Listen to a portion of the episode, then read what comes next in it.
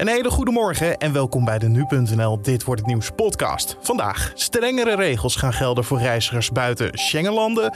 Broekers Knol gaat in gesprek met de chauffeurs van de route langs Ter Apel. En overleggen in België vanwege Omicron-variant. Dat zo, eerst kort het nieuws van nu. Mijn naam is Carne van der Brink en het is vandaag woensdag 22 december. Het eerder dichtdraaien van de gaskraan in Groningen is in gevaar door de coronacrisis. De bouw van een fabriek waar buitenlands gas geschikt gemaakt wordt, heeft door de pandemie vertraging opgelopen. Hierdoor zou het kunnen dat er de komende tijd meer gas uit Groningen gewonnen moet worden. Want als die nieuwe fabriek er uiteindelijk staat en er genoeg gasreserves opgebouwd zijn, dan pas kan de gaskraan in Groningen dicht. Steve B. is gisteren in België schuldig bevonden aan de moord en verkrachting van de 23-jarige Julie van Espen. De studenten verdween in 2019 toen ze op de fiets op weg was naar een vriendin in Antwerpen. Dankzij camerabeelden kwam Steve B. als verdachte in beeld. Kort na zijn aanhouding werd ook het lichaam van Van Espen gevonden. B. had al bekend schuldig te zijn en hij kan nu een levenslange gevangenisstraf krijgen. De huizenprijzen zijn in ruim 20 jaar niet zo sterk toegenomen als de vorige maand. Vergeleken met vorig jaar stegen de prijzen met 20% dat zegt het CBS. De schaarste op de huizenmarkt is een belangrijke oorzaak voor de hoge prijzen. En begin deze eeuw werden huizen voor gemiddeld 160.000 euro verkocht. En nu is dat 4 ton.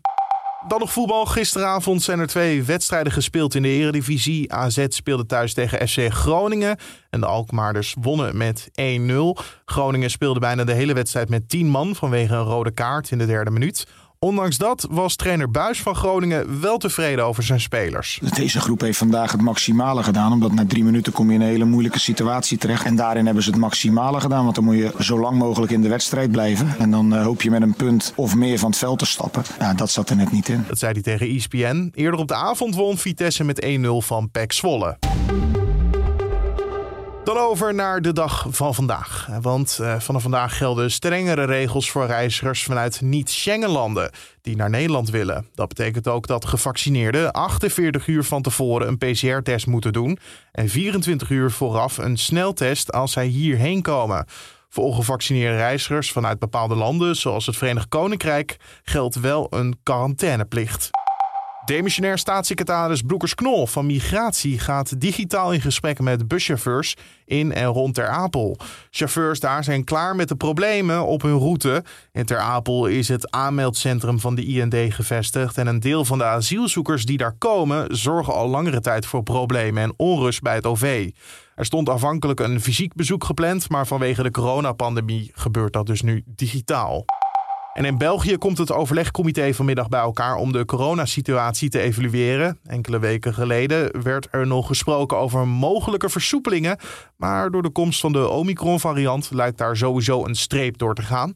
Hoewel de cijfers ook in België vooralsnog de goede kant op gaan, lijkt een nieuwe golf wel aanstaande.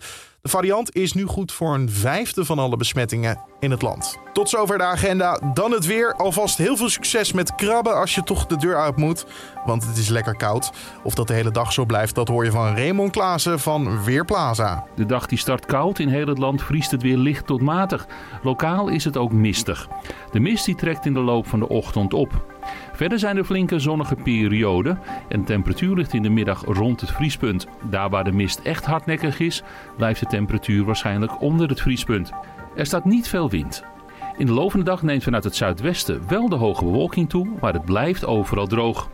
In de loop van de avond kan het weer licht gaan vriezen in het binnenland. Dankjewel Raymond Klaassen van Weerplaza. En dan zijn we ook aan het einde gekomen van deze Dit Wordt Het Nieuws podcast voor de woensdag 22 december.